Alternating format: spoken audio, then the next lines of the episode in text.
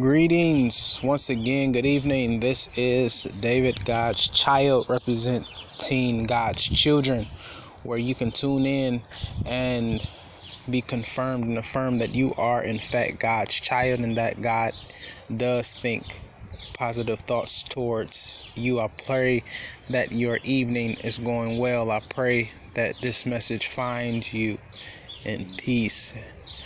Um, I, I am excited. I am elated, ecstatic that I just finished the first installment of a series that I am working on um, in the book of Ruth. Um, the, I am just passionate right now um, because I didn't think that I was going to actually um, do a lesson. But as I began to read the book of Ruth, um, Spirit came over me and told me, go ahead and start to write. And out of my writings, I began to jot down points in which I think that uh, myself and you God's children can benefit from. So, um, I, I, just, like I said, I finished my first installment out of the book of Ruth, uh, Ruth chapter 1, just to, I'm not actually going to go into detail as to what I um, finalized or some of the points, but I'm just going to give you a, a narrative or a background setting of what the narrative of Ruth is about. So, Ruth the book of Ruth begins talking about a man by the name of Elimelech who is from the land of Bethlehem, Judea. The land in which he's from, it's famine. There's a drought, scarcity of food. Elimelech decides to take his wife Naomi, his two sons, Mahlon and Chilion, to the land of Moab where Elimelech figures that he could make a substantial day's living in the land of Moab. So they sojourn to the land of Moab, and it is there where the Bible says that after staying in the land of Moab for a while, that Elimelech dies.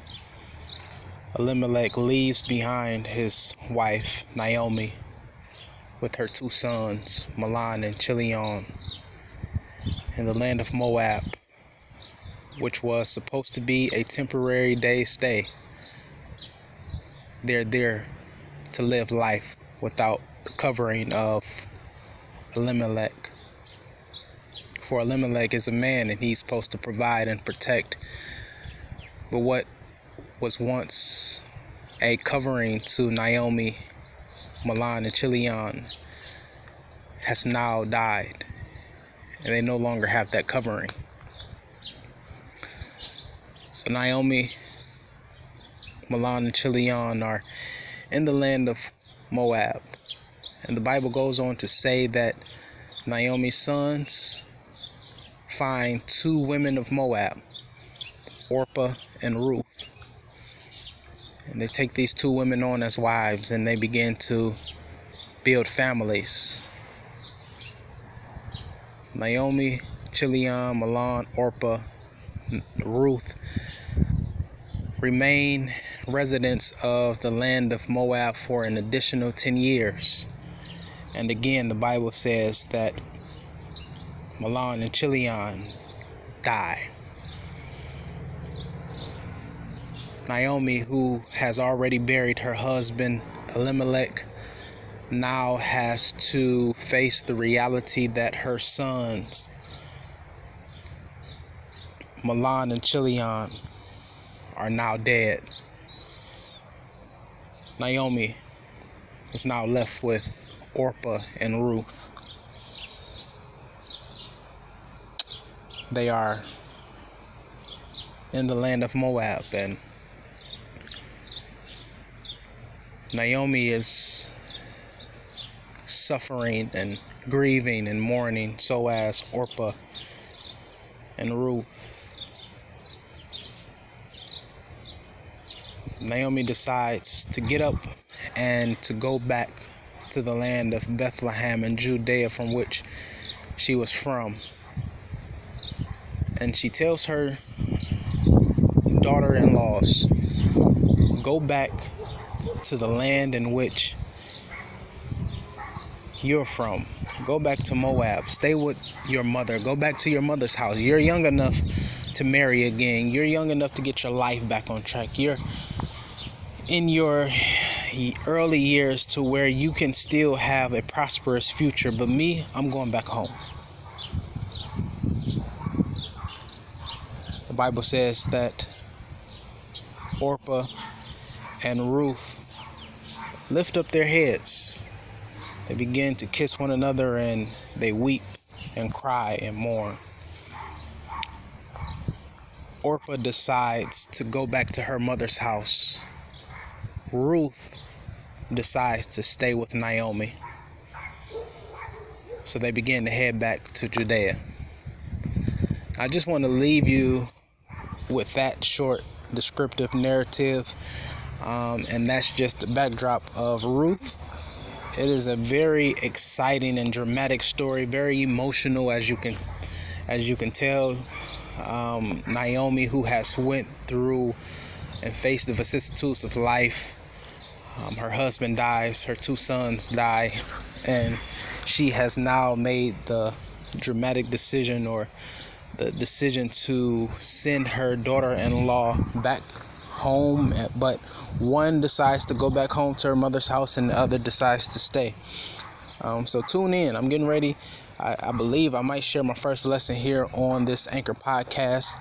Um, if you would tune in share my podcast send me a message give me an applause or let me know that you're tuning in um, so that I may share something that may be able to help you. Because in the lessons in which I'm dealing with, I'm de- I'm dealing with the dilemma between staying and leaving, where you have one Orpah who decides to go home to her mother's house, and then you have Ruth who decides to stay with Naomi.